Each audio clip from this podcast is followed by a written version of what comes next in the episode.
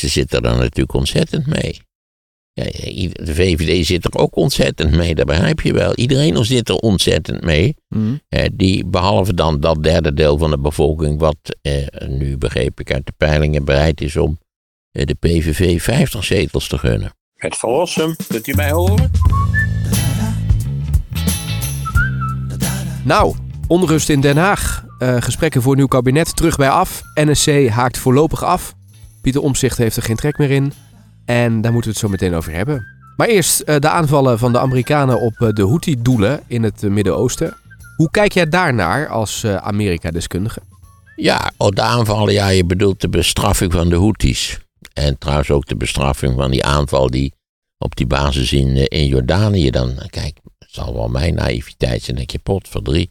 Er is kennelijk in het noordwesten van Jordanië ook nog een gigantische Amerikaanse militaire basis. Waar dus een aanval op is uitgevoerd. Ja, je begrijpt dat, dat er waren drie doden gevallen. Eh, als ik het zo goed begrijp, heb je drie dames waren dood. Ook al interessant natuurlijk, die bulldozerchauffeurs waren. Waarschijnlijk een hele leuke, goed betaalde functie. Als je bereid bent in Noordwest-Jordanië bulldozers te gaan besturen. Dus ja, de president moest natuurlijk iets terug doen. Dus dat heeft hij gedaan. Maar dat was dan weer. Moest heel precies gekalibreerd worden. Niet te veel en tegelijkertijd ook weer niet te weinig. Het moest wel duidelijk een, zijn van denk erom. Dat gaat niet nog een keer gebeuren. Nou goed, daar heeft hij even over nagedacht. En tenslotte heeft hij die aanvraag uitgevoerd. Hij moest wel iets doen natuurlijk. Is dat zo? Ja, dat denk ik wel. Ik denk wel dat je iets moest doen. Hoezo? Nou ja, eh, Amerika moet terugslaan. Als je, volstrekt straffeloos uh, aanvallen kan uitvuren op, op Amerikaanse, kan van alles zijn, ambassades, militaire kampementen, bases enzovoort. Ja, dan zal, zullen de van de Verenigde Staten iets terug doen. Dat geldt natuurlijk ook voor het, uh, het scheepvaartverkeer in de Rode Zee. Sterker nog, ja, je denkt bij zulke gelegenheden toch altijd wel weer. Ik bedoel, de Duitsers zijn bij mij weten niet iets terugkomen doen. De Engelsen deden wel mee, als ik het goed begrepen heb.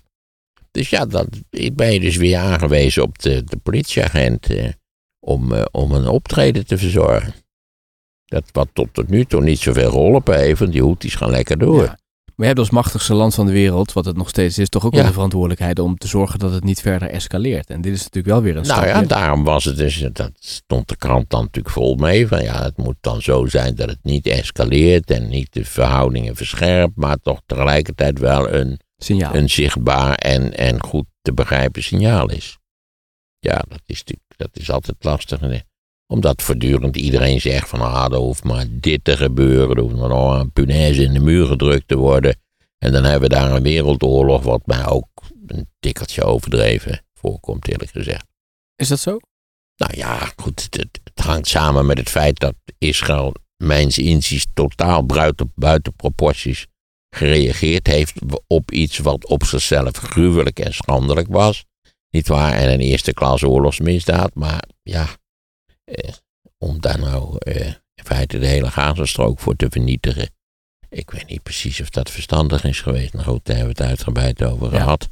Ten meer omdat het zeer onwaarschijnlijk is dat Palestijns radicalisme daardoor definitief en voorgoed beëindigd zal worden. Nee, natuurlijk. Maar de actie van de Amerikanen snap je dus wel om dat signaal af te geven? Ja, ja, ja, ik heb alle begrip voor de actie van de Amerikanen, zeker. Dat wil niet zeggen dat ik alle begrip al. Als we nu even de grootschalige interventies van Amerika nalopen. na de Tweede Wereldoorlog, dan is er natuurlijk eigenlijk maar één bij. die, die echt een succes is geworden. Dan in, in de Koreaanse oorlog. Hmm. Ja, Zuid-Korea is toch een heel wat fijner land.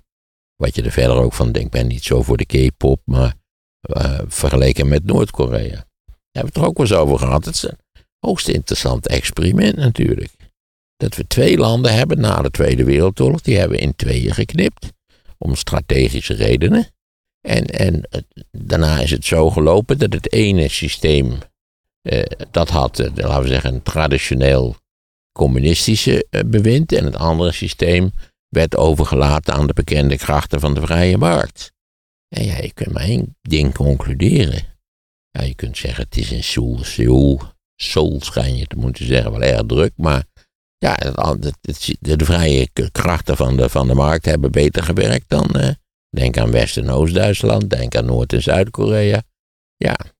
En daar zie je natuurlijk, het is een hele leerrijke. Want ja, als je van tevoren had gezegd, joh, we gaan een experiment uithalen. Had iedereen gezegd, dat is onfatsoenlijk. Dat, je, dat, je, mag je niet doen. Mensen kunnen het slachtoffer worden. Maar goed, de omstandigheden is dat experiment gehouden. Dat experiment heeft uh, onmiskenbare uitslag. Namelijk dat de vrije ondernemingsgewijze productie beter functioneert. En mensen, gelukkig is een groot woord, maar laten we zeggen, tevredener maakt dan het andere systeem. Wat, wat voortdurend neigt tot, tot dictatuur, repressie, onderdrukking. Dat je er niet uit mag. Hè. Denk eens aan al die landen in de wereld waar je niet uit mag. Hè. Wij, wij, hebben wij wonen in landen waar je niet in mag. Of althans, waarvan sommigen menen dat je daar beter niet, nou ja, dat je de toegang eh, toch moet beperken. Eh, maar goed, dat is heel wat anders dan mensen waar je landen waar je niet uit mag.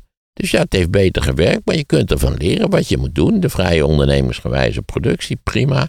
Niet waar, als je flatscreens wil hebben en auto's en eh, al, die, al die hele bliksemse boel, dan is dat een prima systeem.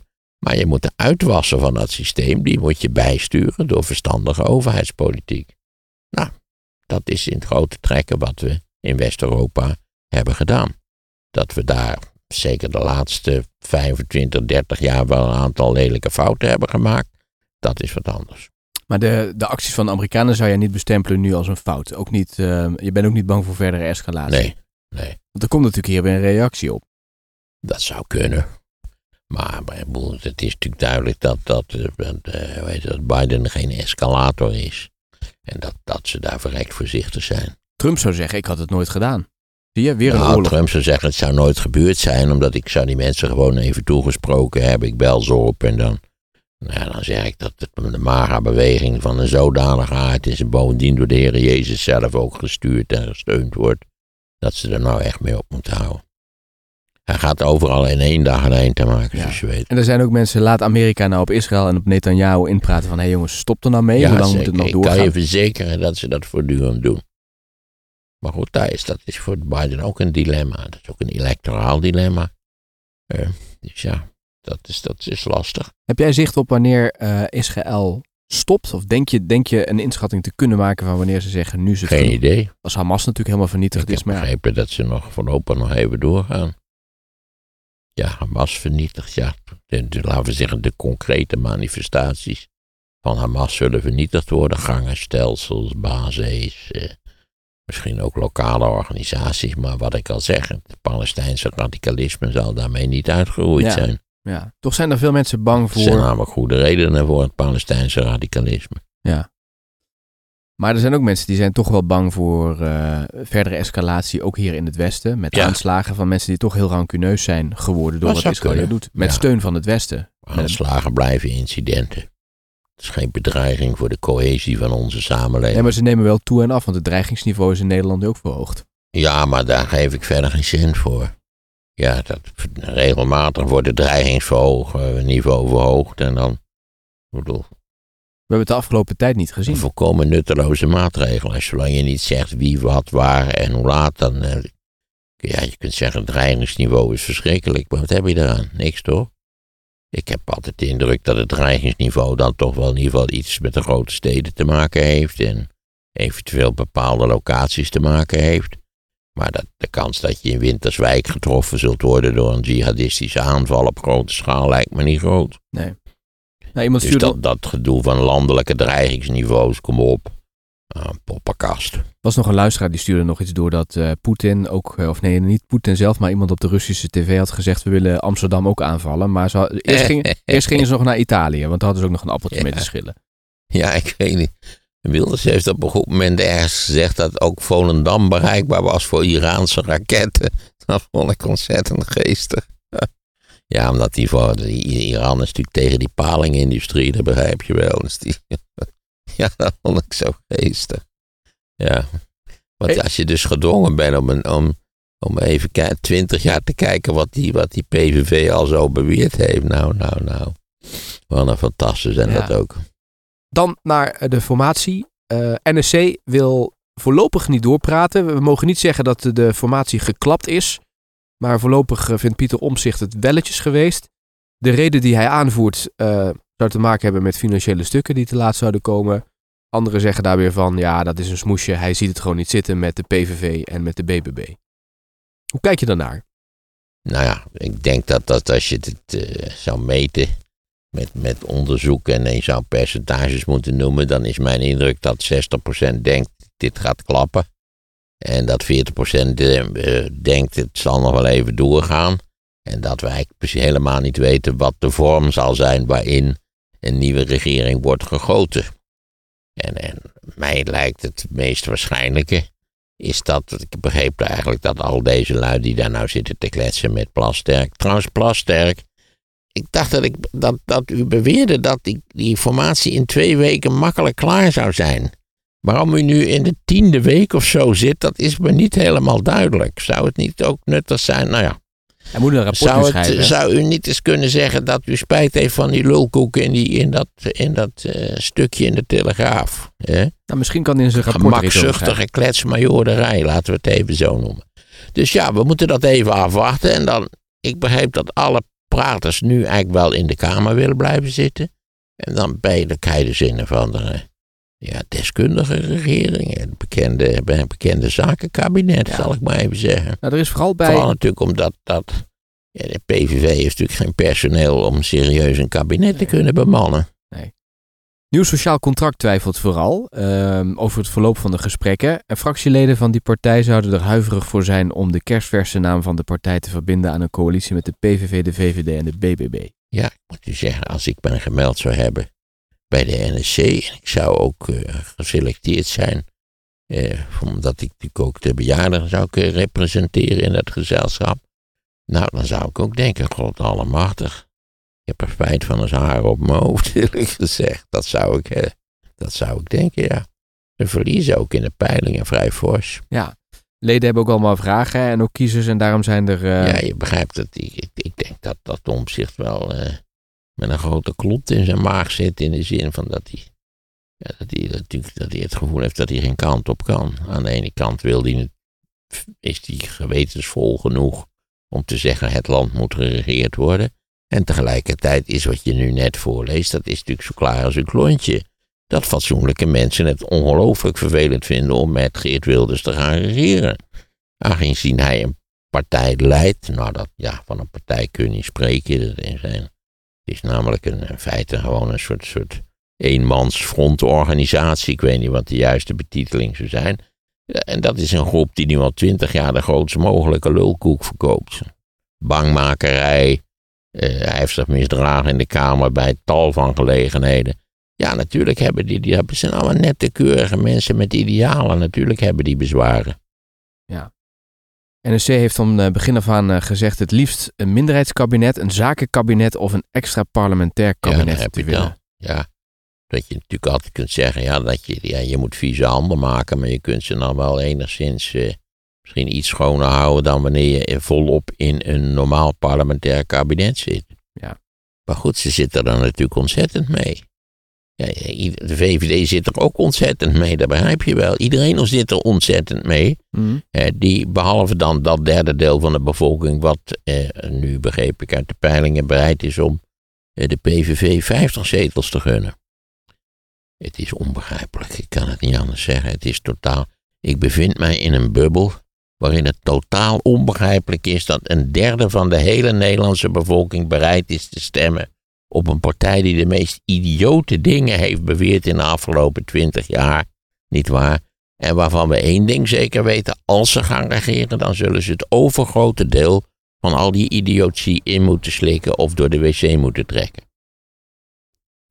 Gaan de grenzen dicht? Nee. Gaan we uit de EU? Nee. Gaan we terug naar de gulden? Nee. Nou ja, zo kunnen we nog wel even doorgaan. Dit is ook nog wel interessant. Er zijn dus gesprekken geweest over de grondrechten en de rechtsstaat. Hè, NSC had uh, daar zorgen over. En toen heeft Wilders heeft die drie anti-islamwetsvoorstellen ingetrokken. Maar zegt een betrokkene de zorgen over bepaalde PVV-standpunten... die zijn nog niet weg bij NSC. Nee, dat kan me voorstellen. Mij ook. Ik ben dolblij ook hier. Niet waar dat ik, dat ik, eh, dat ik dit soort van besluiten niet hoef te nemen. Omdat je natuurlijk, uh, ja, daar heeft Wilders natuurlijk ook al mee gedreigd. Nou ja, oké, dan stappen we eruit, dan houden we ermee op en dan krijgen we nieuwe verkiezingen. Ja, dat is natuurlijk ook. Nou ja, als je toch wel denkt dat we al jarenlang, uh, ik, ik, ik, moet het nog uitrekenen, maar komt op meer dat we meer demissionair geregeerd worden dan missionair. En dat is, dat is toch ook een teken van, van ja. Rutte, die lag zijn stuk. Die denkt natuurlijk prima, laat maar lekker lopen zo. Ja, maar goed, de Nederlandse politiek in een zo rustig, stabiel, welvarend enzovoort land is totaal dysfunctioneel. Het wonderlijke is dat een reeks van westerse landen geteisterd wordt door dysfunctionele democratische politiek. Kijk naar de Verenigde Staten, kijk naar Nederland. Het is helemaal niet nodig. Maar goed, dat wil niet zeggen dat er geen gebreken zijn waar iets aan gedaan moet worden, zeker. Maar, maar hier doe je dingen die, want dat is ook het gekke van die populisten, dat ze geen enkel economisch bedoel hebben. Dus dat ze bereid zijn om de eigen natie de grootst mogelijke schade toe te brengen met die kletspolitiek waar ze voorstanders van zijn. NSC stoort zich ook aan het standpunt van de PVV en de VVD over de spreidingswet. Wilders en Jezilkes die hebben binnen Kamers gezegd dat ze er tegen zijn dat gemeenten worden gedwongen asielzoekers te kunnen huisvesten en willen dat onderdeel van de wet aanpassen of niet uitvoeren. Maar Omzicht die vindt dat niet acceptabel omdat de wet al is aangenomen. Zeg. Zo is het. De wet is aangenomen, dus dan moet die uitgevoerd worden. Je gaat niet een wet aannemen en dan zeggen, ja sorry, sorry, ons komt het niet zo goed uit. We gaan die wet saboteren. Niet dat dat natuurlijk wel eens gebeurt, maar ja, ook hier heeft omzicht groot gelijk. Ja. En, en is natuurlijk het standpunt van de PVV nu en de VVD is natuurlijk gemakzuchtige propaganda. Anders niet. Ja, dan, uh... Die hebben veel liever natuurlijk een noodsituatie, een permanente noodsituatie in Tapel. Want dat sluit aan natuurlijk bij hun eigen paniekberichten. Dat, dat was toch ook onze begroting al. Ja, dat, dat de meeste mensen denken dat het wel op, uh, fout zal lopen, verlopen. Overigens is dat natuurlijk in Nederlandse formaties de normaalste zaak van de wereld. Dat het eerst fout loopt en dan gaan ze allerlei andere dingen doen. En ondertussen is er gewenning en contacten. En je maar lang genoeg wacht. Eh, vergeet niet, eh, na de verkiezingen van 2021 eh, heeft het een jaar geduurd voordat er een kabinet op het bordes stond. Een jaar. En daarvoor hadden we al die, die formatie gehad, in eh, 2017. Toen was het 260 dagen. Ja. Eh, er is nog maar één land in de wereld wat nog langere eh, demissionaire kabinet heeft dan wij, dat is België. Waarschijnlijk is onze intentie om België te kloppen. Dat we ook op de wereldwijde lijsten staat Nederland nummer één als kabinetsformaties die in totaal veel langer duren dan de regeringen die ze gevormd hebben. Dat is eigenlijk wel curieus natuurlijk. En in dit stukje staat ook nog wat NSC wil. Enige mogelijkheid zou een zakenkabinet zijn, zeggen zij. Met een afstand, politieke afstand van hier tot nou aan de dat maan. Dat is wat je leest, dat het een zakenkabinet wordt. En dat al deze partijleiders die nu met elkaar praten, dat die in de Kamer gaan zitten. Dan kunnen ze lekker ruzie maken aan de interruptiemicrofoon. Even kijken, 16 februari moet er een debat zijn, of in ieder geval voor 16 februari, over het uh, landsbestuur en hoe het ervoor staat. Ja, dus dan denk ik, zeker als het een zakenkabinet wordt en, en je, je, benoemt daadwerkelijk mensen die er enig verstand van hebben, en je mag aannemen dat dat zal gebeuren als het een zakenkabinet is, dan worden we in feite, laten we het eerlijk zijn, gewoon gerund door de deep state. Hè? Ja, dat vroege luisteraar zich nog af, wat, wat bedoel je dan precies met de deep state? Deep state is het, is het enorme ambtelijke apparaat en de continuïteit die daarin schuilt en de stabiliteit die daarin schuilt en natuurlijk ook tegelijkertijd de rem op ingrijpende veranderingen die eh, tegelijkertijd ook in dat apparaat schuilt. Dat is de deep state. Ja. dus je kunt als, als gekozen leider zeggen, nu gaan we alle bomen in de Frans Halstraat omzagen, zagen, want het is een daar woont hij voor Rossum en dat is een ontzettende zeikert en een zeurpiet. En die begrijpt totaal niet waar het in de wereld over gaat. Dus laten we eens beginnen met die bomen om te zagen in die straat. Nou ja, daar heb je vergunning voor nodig van de gemeente. En de gemeente is ook een soort deep state. Want je zult zien dat als je tegen de gemeente zegt, er moeten om. Dan zegt de gemeente, daar is helemaal geen reden voor om die bomen om te zagen. prima bomen, die staan er al eh, sinds die straat bestaat. Dus dat is sinds 1910 ongeveer. En ons beleid is dat die bomen dat die goed verzorgd moeten worden en dat die gewoon blijven staan. Dat is, de, dat is, laten we zeggen, een heel simpel voorbeeld van de deep state. Dat je niet zomaar hè, Stel voor dat, dat er een, een, nieuwe minister-president komt, die gaat in dat torentje zitten en die kijkt daar naar buiten. En die zet in die hofvijver, dat, dat vind ik een vies vijvertje. Ik ben ervoor dat die hofvijver gedempt wordt. Ja, dan zul je zien dat, die kan wel zeggen dat dat moet, maar dat gaat niet gebeuren. Tegen de tijd dat als er iemand in het torentje zit die zegt van de hofvijver moet gedempt worden, en er verschijnen binnen 2,5 uur bulldozers en aannemersbedrijven die dat gaan doen, dan weet je dat we ten prooi zijn gevallen aan de dictatuur. Ja, ja. Nee, je kunt niet allerlei, alsmaar allemaal dingen doen. We hebben een, een, een rechtssysteem. je, zult, je, je, kunt ook dingen doen en dan word je bestraft, omdat het simpelweg wettelijk verboden is. Even kijken wat we nog meer lezen. Weinig chemie is er tussen de gesprekspartners, is natuurlijk ook wel belangrijk. Uh, we hebben ook wat steken onder water natuurlijk gezien. Uh, bij de congressen bijvoorbeeld van de VVD, waar verweten werd, uh, of waar verwezen werd naar tweets van Wilders. Bij elk normaal democratisch denkend Nederlander leven diepe zorgen. Ja. Dat een derde van de bevolking die zorgen kennelijk niet heeft, dat is betreurenswaardig.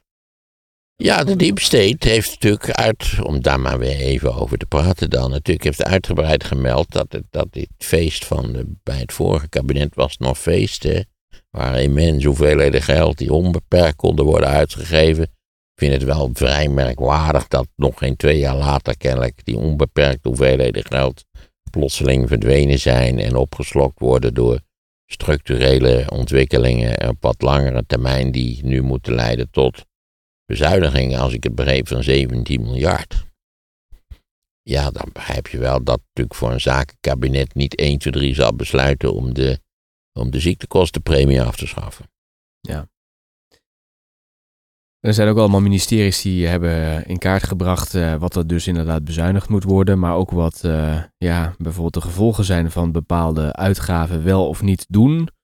De financiële risico's die door de departementen in kaart zijn gebracht lopen uiteen van nieuwe vertraging bij de verbouwing van het Binnenhof tot extra uitgaven voor de opvang van asielzoekers en mogelijk veel minder belastinginkomsten als de Hoge Raad zich uitspreekt over de nieuwe rekenmethode voor de vermogensrendementsheffing. Ja, dat, uh, daar heb ik natuurlijk zoals gewoonlijk uh, geen verstand van. Ja, maar wat is het alternatief? Is er een alternatief?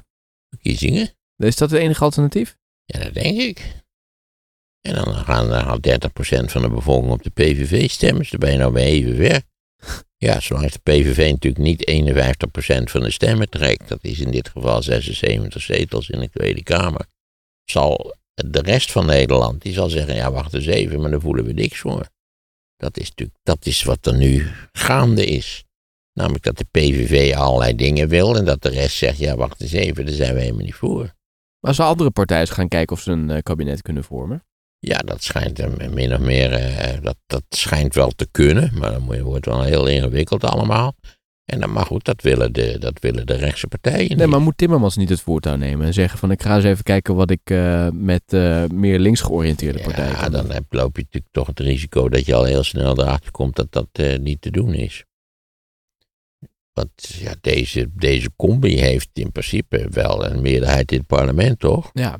Dus als, als deze combi niet één verrader in, in zich schuilt, uh, die, laten we zeggen, naar de linkerkant zou kunnen overlopen, wie zou dat moeten wezen? Omzicht. Ja, dat is de enige mogelijkheid. Kijk, hij kan wel zeggen. zetels. Dan moeten we even gaan tellen natuurlijk. Want, dus even kijken, 37 voor de PVV en uh, wat was het, 24 geloof ik voor de, voor de VVD. Dus dat is uh, 57, 61. Dan heb je de boer-burgerbeweging, dat zijn er ook nog eens een keer zeven, dus dan kom je op 68. Nee, het is feit, de feit is natuurlijk als, als, als omzit wegloopt, dan, dan, is, dan is deze, heeft deze coalitie geen meerderheid. Maar goed, dat, ja, iedereen vond natuurlijk dat de teneur van de verkiezing een verschuiving naar rechts was. Die bovendien grotendeels ten goede is gekomen aan de PVV dat de PVV nou ongelukkigerwijs de minst geschikte politieke partij is om in Nederland wezenlijke veranderingen door te voeren, ja, dat is een hele vervelende omstandigheid. Dus ja, voel ik mee met Pieter Omzicht? Ja. Ja, leid ik mee met Pieter Omzicht? Nou, dat nou ook weer niet, maar je begrijpt zijn problemen. En al die twintig lui die hij zo gek gekregen heeft, die zitten nu allemaal in de kamer. En daar zitten ze. En ze kijken naar de overkant, naar die, naar die PVV-fractie.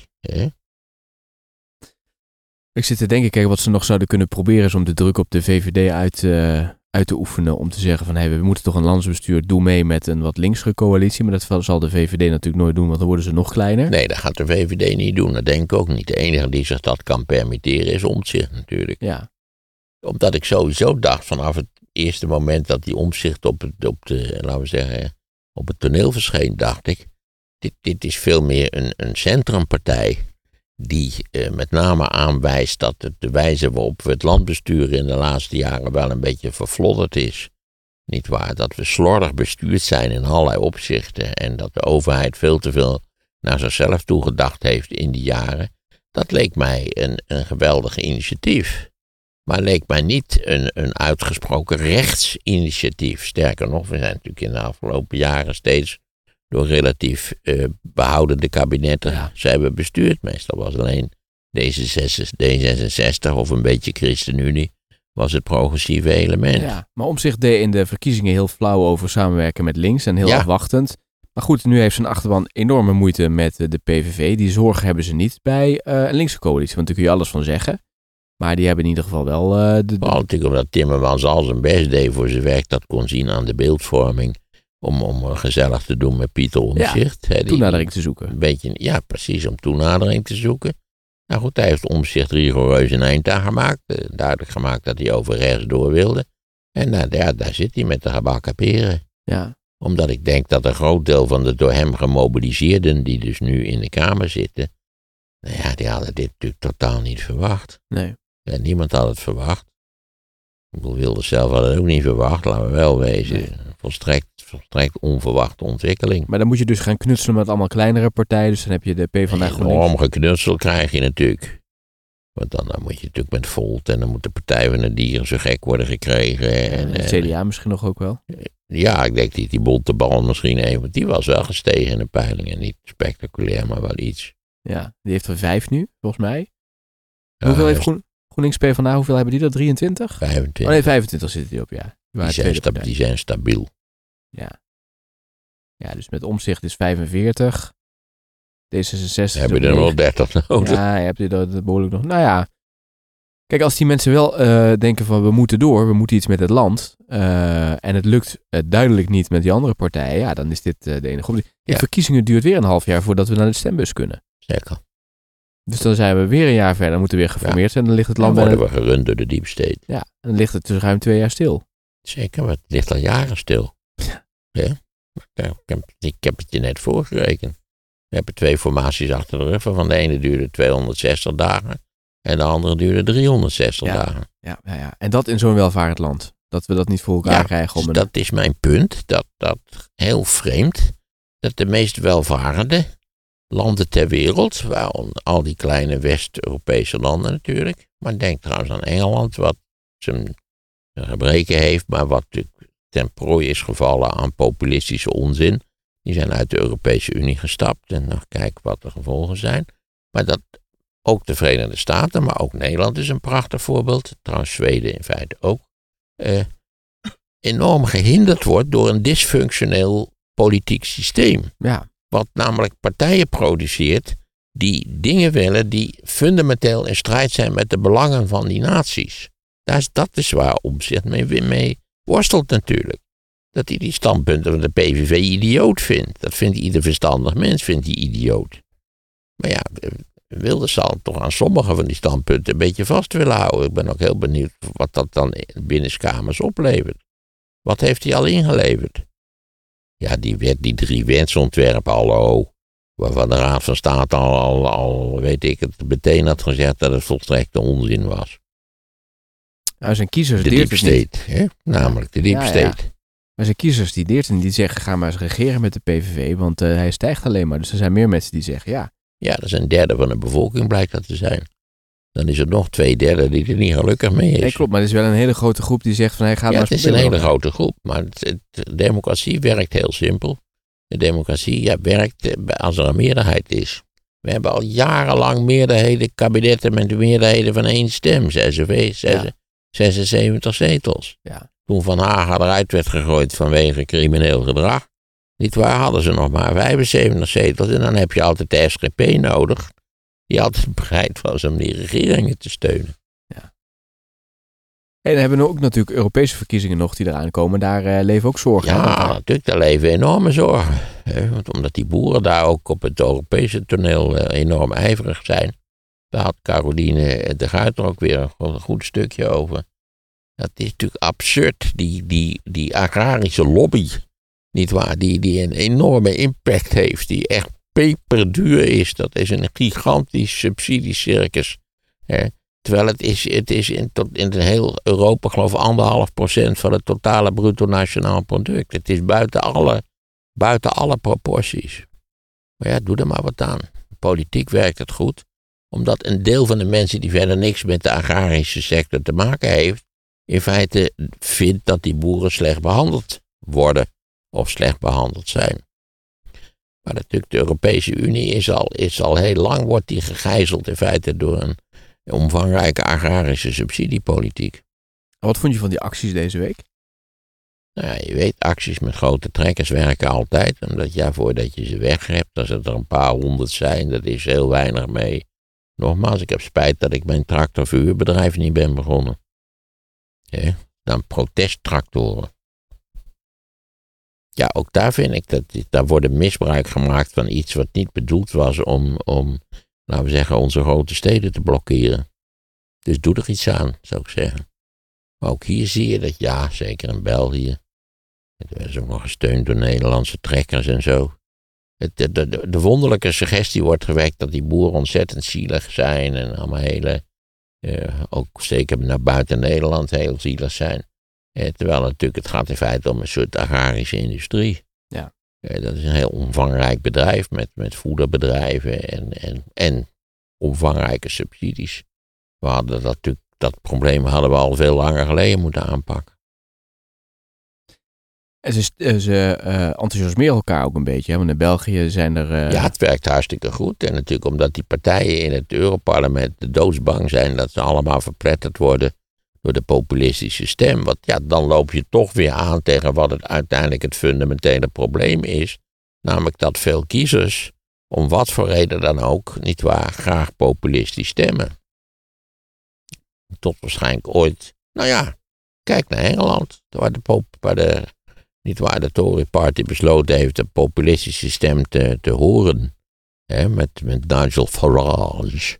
Eh, en nu hebben ze, plukken ze daarvan de wrange vruchten. En hij is gestopt, hè? Of hij is weggegaan. eh. Ja, zodra ze natuurlijk het huis in de fik hebben gestoken en de brandweer niet is komen opdagen, zorgen ze dat ze uit de, zich uit de voeten maken.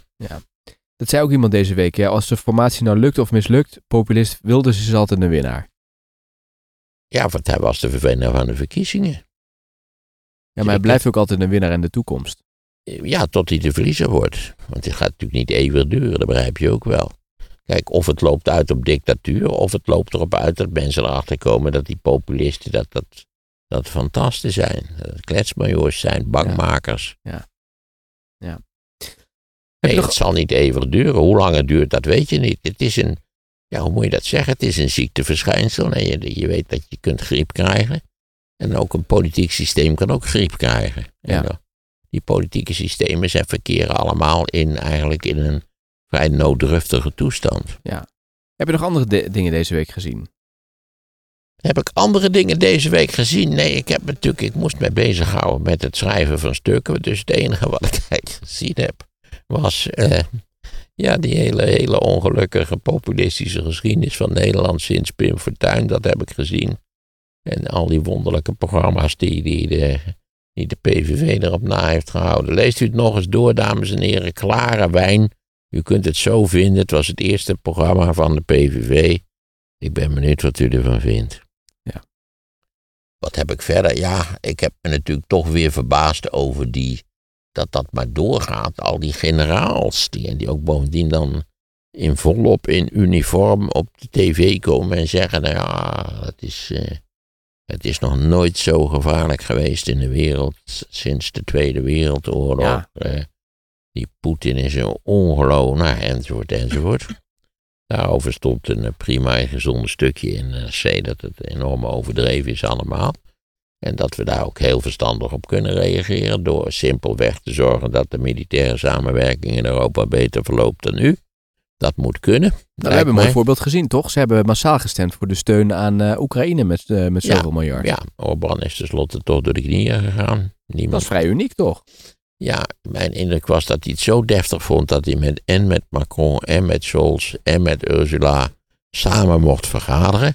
Ah, dat hij dacht, nou, als ik dit bereikt heb met mijn kleine krakkemikkige geklote landje, nietwaar dan? Er zullen wel toezeggingen Ja. zijn gedaan natuurlijk. Van, eh, als ja, nou dat weet ik niet. Ik hoop van niet. Hoop van, hij, het moet nog geld niet, krijgen hè, vanuit Het Europa. was niet de suggestie. De suggestie was toch dat hij wel een beetje door de pomp gegaan was. Ja, maar dat is het beeld wat voor de schermen. Orbán toch? had sowieso wel de neiging om al eindeloos dwars te liggen, dan tenslotte toch te doen wat hij moet doen. Hij is natuurlijk uiteindelijk enorm afhankelijk. Je hoort Orbán ook niet zeggen van ik stap uit de Europese Unie. Maar het is wel een klap voor Poetin dit weer. Ja, dat is het zeker. Aan de andere kant is het gebleken natuurlijk dat eh, wij op het punt van de productie van, eh, van met name ammunitie, ja, dat dat, eh, volgens mij is dat aan de orde van de dag, dat we natuurlijk wel een, allemaal militaire apparaten hebben. En dat we daar ook, zeker ook de Amerikanen, grote hoeveelheden geld in steken. En als er dan daadwerkelijk een oorlog wordt gevoerd, meestal dus een vrij beperkt militair conflict, blijkt meestal na drie weken dat de boel op is, dat de ammunitie op Ja. is. En dat het lastig is om, om, om nieuwe productiebedrijven of, of andere bedrijven zo gek te krijgen om dat ook te gaan produceren. En dan ben je in het geval van Rusland dus afhankelijk van Noord-Korea. Niet waar, een regime van psychopaten. Oké, in de volgende afleveringen gaan we hier ongetwijfeld over doorpraten. Zorg er dan eventjes voor dat je ons volgt, want eh, dan krijg je een nieuwe aflevering vanzelf in je feed. Hoef je je niet af te vragen, hey, is er al een nieuwe aflevering? Dat geeft je podcast-app dan vanzelf aan. Het enige wat je even hoeft te doen is ons te volgen. Dan worden we in feite, laten we het eerlijk zijn, gewoon gerund door de deep state. Eh, Wil je meer achtergrond bij het vastlopen van de formatie? Luister dan nu naar de live podcast Waarom is de burger boos? Weet u dat Omzicht nog gepeild is op 46 kamerzetels? Toen begon hij met treuzelen. En elke dag treuzelde hij er één kamerlid af. Gelukkig heeft hij niet door, helemaal doorgetreuzeld. Dan hadden ze meteen de boel kunnen aanvegen en opruimen. Nu te downloaden via de link in de show notes. En denk je erover na om zelf een podcast te maken? Kijk dan nu op streamy.audio voor tips en hulp van experts.